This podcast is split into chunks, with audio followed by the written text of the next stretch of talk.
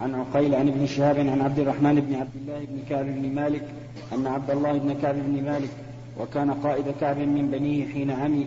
قال سمعت كعب بن مالك قال لما تخلف عن رسول الله صلى الله عليه وسلم في غزوة تبوك فذكر حديثه ونهى رسول الله صلى الله عليه وسلم المسلمين عن كلامنا. فلبثنا على ذلك خمسين ليلة وآذن رسول الله صلى الله عليه وسلم بتوبة الله علينا. نعم.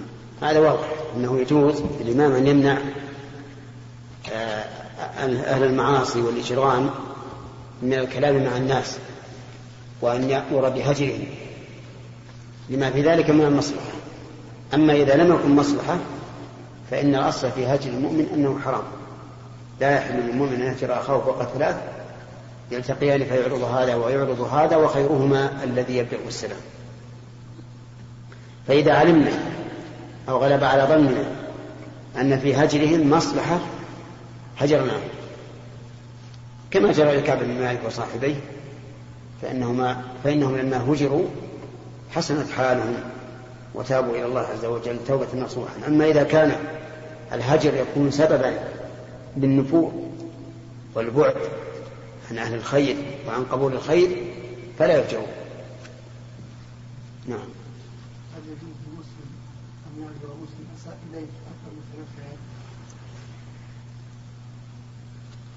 إذا كان لمصلحة دينية فلا بأس.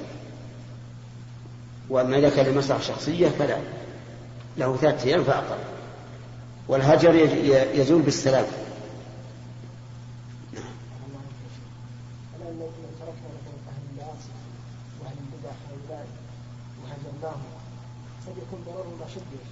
نعم.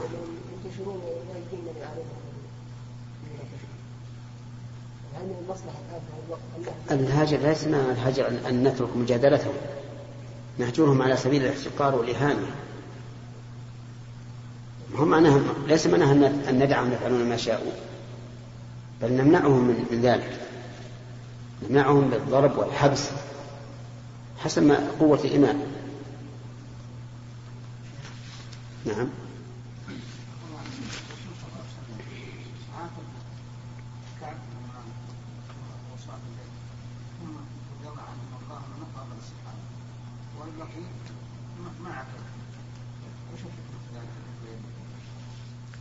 لأنه لم يتخلف من المؤمنين حقا إلا هؤلاء الثلاثة. الباقون الذين تخلفوا جاءوا للرسول صلى الله عليه وآله وسلم يعتذرون إليه فيستغفر لهم ويكل سرائرهم إلى الله عز وجل. أما المؤمنون الخلص فلم يتخلف إلا هؤلاء الثلاثة فقط. نعم. كتاب التمني باب ما جاء في التمني ومن تمن ومن تمنى الشهادة. حدثنا سعيد بن عفير قال حدثني الليث قال حدثني عبد الرحمن بن خالد عن ابن شهاب عن أبي سلمة وسعيد بن المسيب أن أبا هريرة قال سمعت رسول الله صلى الله عليه وسلم يقول والذي نفسي بيده لولا أن رجالا يكرهون أن يتخلفوا بعدي ولا أجد ما احيلهم ما تخلفت لوددت أني أقتل في سبيل الله ثم أحيا ثم أحيا ثم أقتل ثم أحيا ثم أقتل ثم أحيا أقتل. ثم. موت لا موجود. موجودة ولا من شيء لأنها نسخة ثم أحيا ثم أقتل. حدثنا عبد الله بن يوسف قال أخبرنا مالك عن أبي الزناد عن الأعرج عن أبي هريرة أن رسول الله صلى الله عليه وسلم قال والذي نفسي بيده وددت أني أقاتل, أقاتل في سبيل الله فأقتل ثم أحيا ثم أقتل ثم أحيا ثم أقتل. فكان أبو هريرة يقولهن ثلاثا أشهد بالله. طيب كمل أنت؟ وددت إني لأقاتل في سبيل الله فأقتل ثم أحيا فأقتل ثم أحيا ثم أقتل. ثم أحيا ثم أقتل ثم أحيا. كذا عندكم. نعم. آخرها ثم أقتل لا عندي أنا. أقتل فهو قتل ها؟ الأولى عندنا لا لا أقاتل. إذا كانت لا أقتل وددت إني لا أقتل. هذه واحدة خمسة. آه، الثاني فأقتل. ولكن عندنا أصح لا أقاتل. عندنا أربعة بس. لا مو علشان علشان لا أقاتل في سبيل الله فأقتل. لا قال لا أقتل في سبيل الله فأقتل ولم يقل فأحيا. آه، فسد المعنى المهم أقتل أولا ثم أحيا ثم أقتل ثم أحيا ثم أقتل ثم أحيا ثم أقتل ثم أحيا أربع لكن فيه نسخة عندي إنها ثلاثة. فأقتل ثم أحيا ثم أقتل ثم أحيا ثم أقتل. ثلاثة. واللي عندك مصطفى؟ أربعة شيء عندي أقاتل في سبيل فأقتل ثم أحيا ثم أقتل ثم أحيا ثم أقتل. نعم. الشاهد هذا التمني وتمني الشهادة. وقد ورد في تمني الشهادة أن من تمنى الشهادة بصدق فإن الله تعالى يعطيه منزلة الشهداء ولو مات على فراشه. جاء هذا في صحيح مسلم. والتمني هو الطلب لكن فرقوا بينه وبين الترجي بأن التمني أشد إلحاحا من الترجي ولا يكون إلا في الأمر الصعب أو الأمر المستحيل. أما الترجي فإنه أقل إلحاحا من المترجي ويكون في الأمر القريب. يكون في الأمر في الأمر القريب. فمثلا لو اشترى سلعة وقال وقيل له لما اشتريت؟ قال لعلي أربح. هذا ترجي. وفي قول الشاعر ألا ليت الشباب يعود يوما فأخبره بما فعل المشيب هذا تمني. نعم. فتمني الشهادة يعني طلبها بشوق ومحبتها والرغبة فيها. نعم.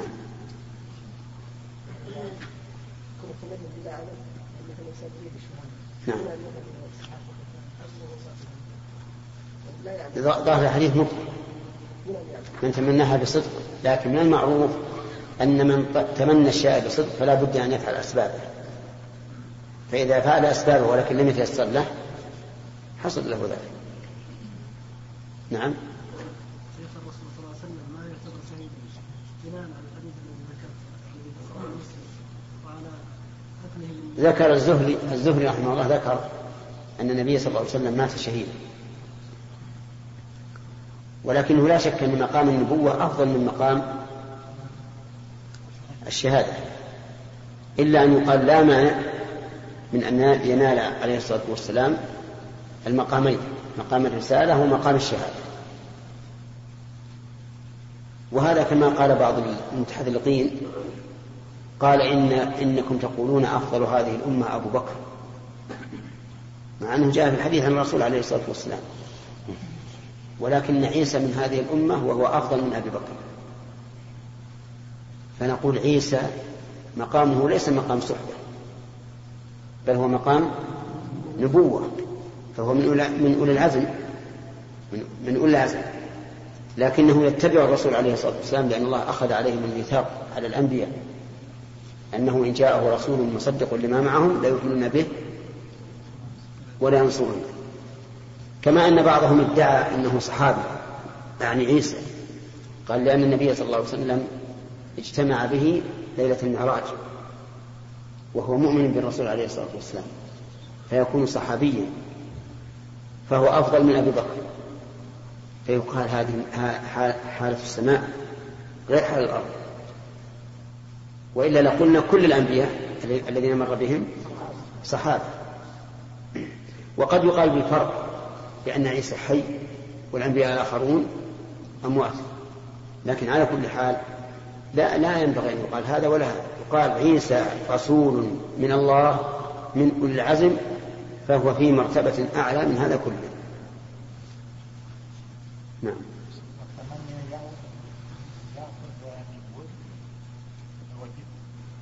إي نعم. نعم. إي. الود تمني. نعم.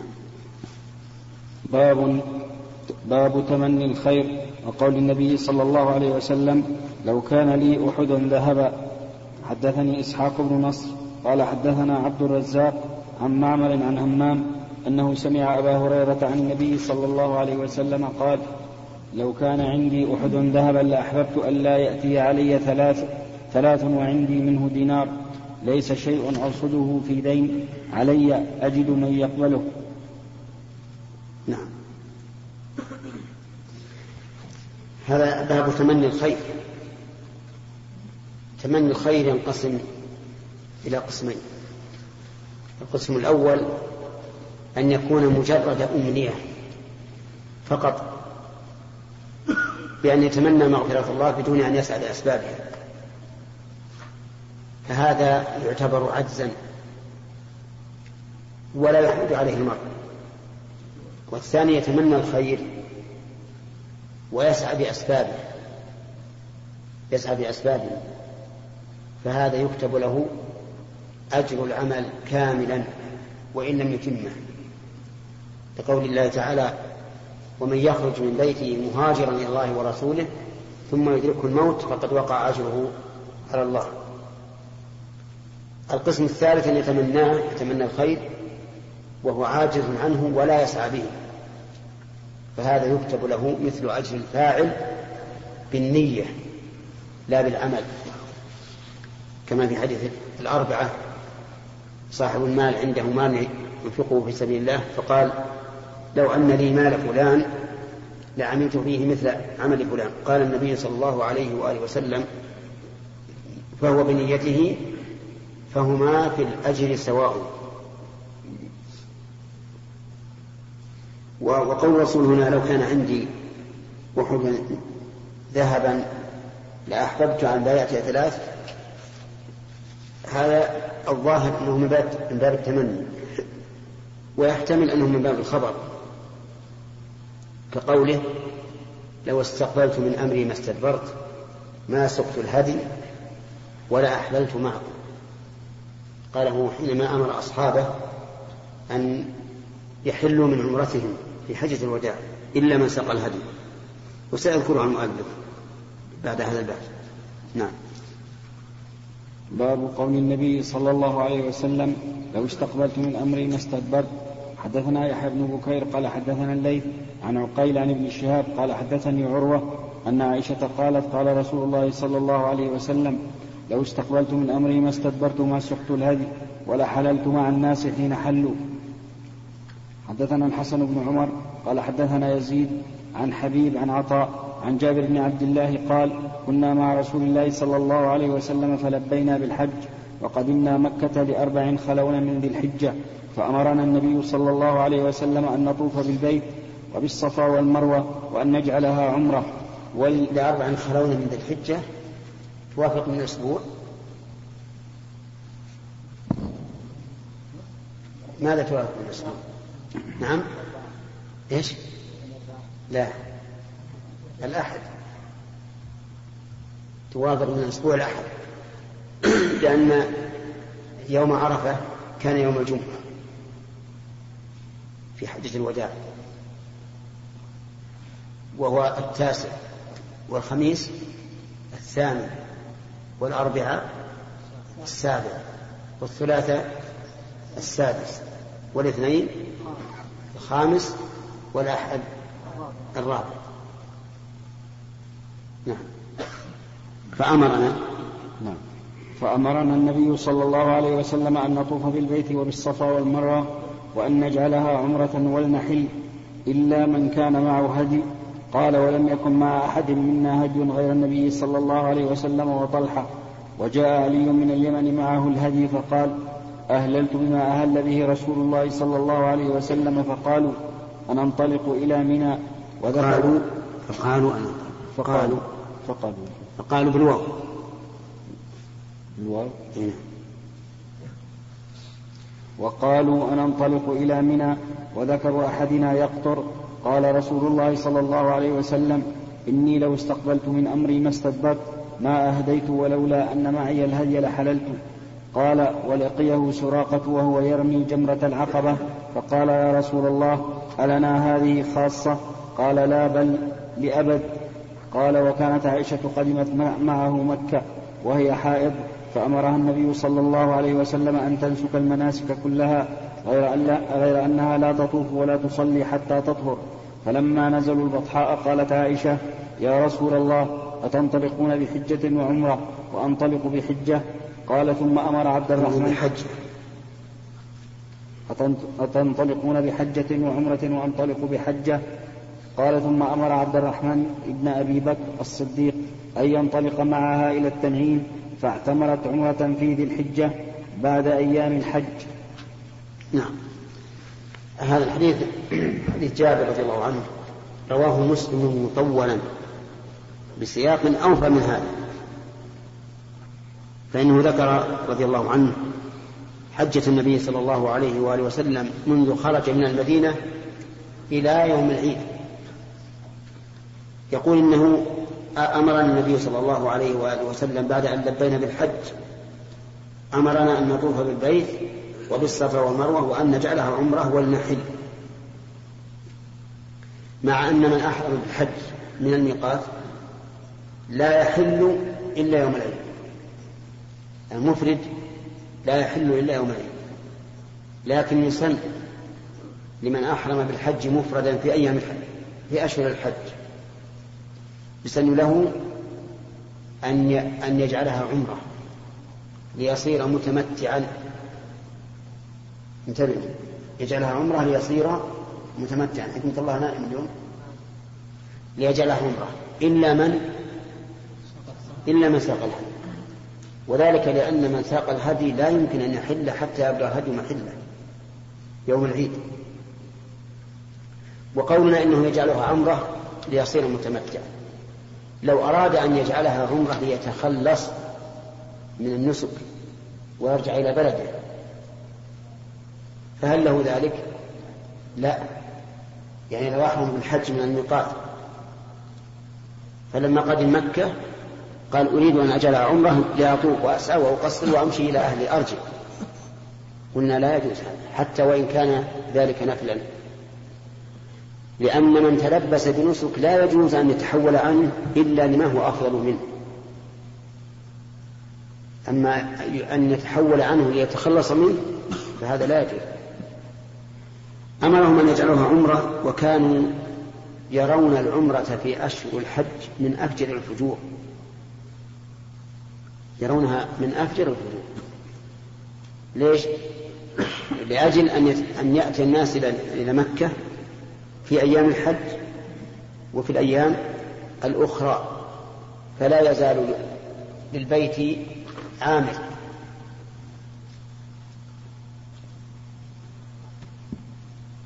فقالوا يا رسول الله نجعلها عمرة وقد سمينا الحج.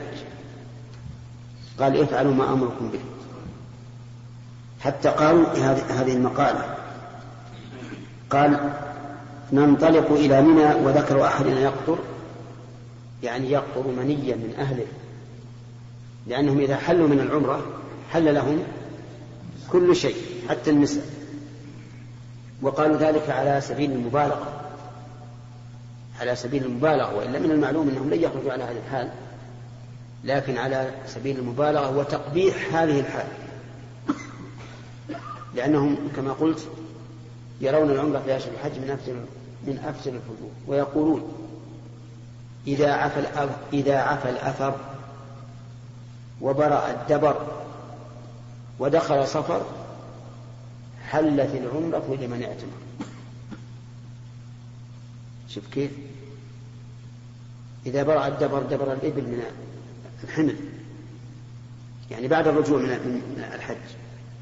وعفى الأثر يعني أثر طرق خفاف الإبل في البر. ودخل صفر حلت العمرة لمن اعتمر وصفر هذه قال بعض العلماء لأنهم يأخذون بالنسي يجعلون المحرم صفرا وصفر المحرم.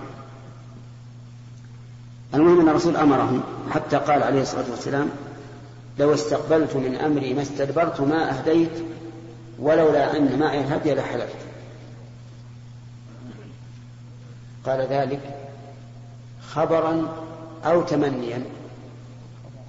خبرا ليطيب قلوبهم ويسهل الأمر عليهم. وهو صادق عليه الصلاة والسلام. لو أنه علم أنهم سوف يحز ذلك في نفوسهم ويشق عليهم لفعل ما هو أهون عليهم. كما أفطر في رمضان من صيامه دفعا للمشقة على أصحابه. لقد جاءكم رسول من أنفسكم عزيز عليه ما عنتم حريص عليكم بالمؤمنين رؤوف رحيم. وقوله في هذا الحديث إنه ليس معهم مع أحد منا هدي غير النبي صلى الله عليه وآله وسلم وطلحة هذا بناء على علمه وإلا فإن عامة الأغنياء من الصحابة كان معهم هدي. وفي قوله يا رسول الله هذه خاصة لنا؟ قال بل لأبد الأبد. يعني أن فسخ الحج إلى عمرة ليصير متمتعا ليس خاصا بالصحابة بل هو عام. أبد الأبد. فإن قال قائل ما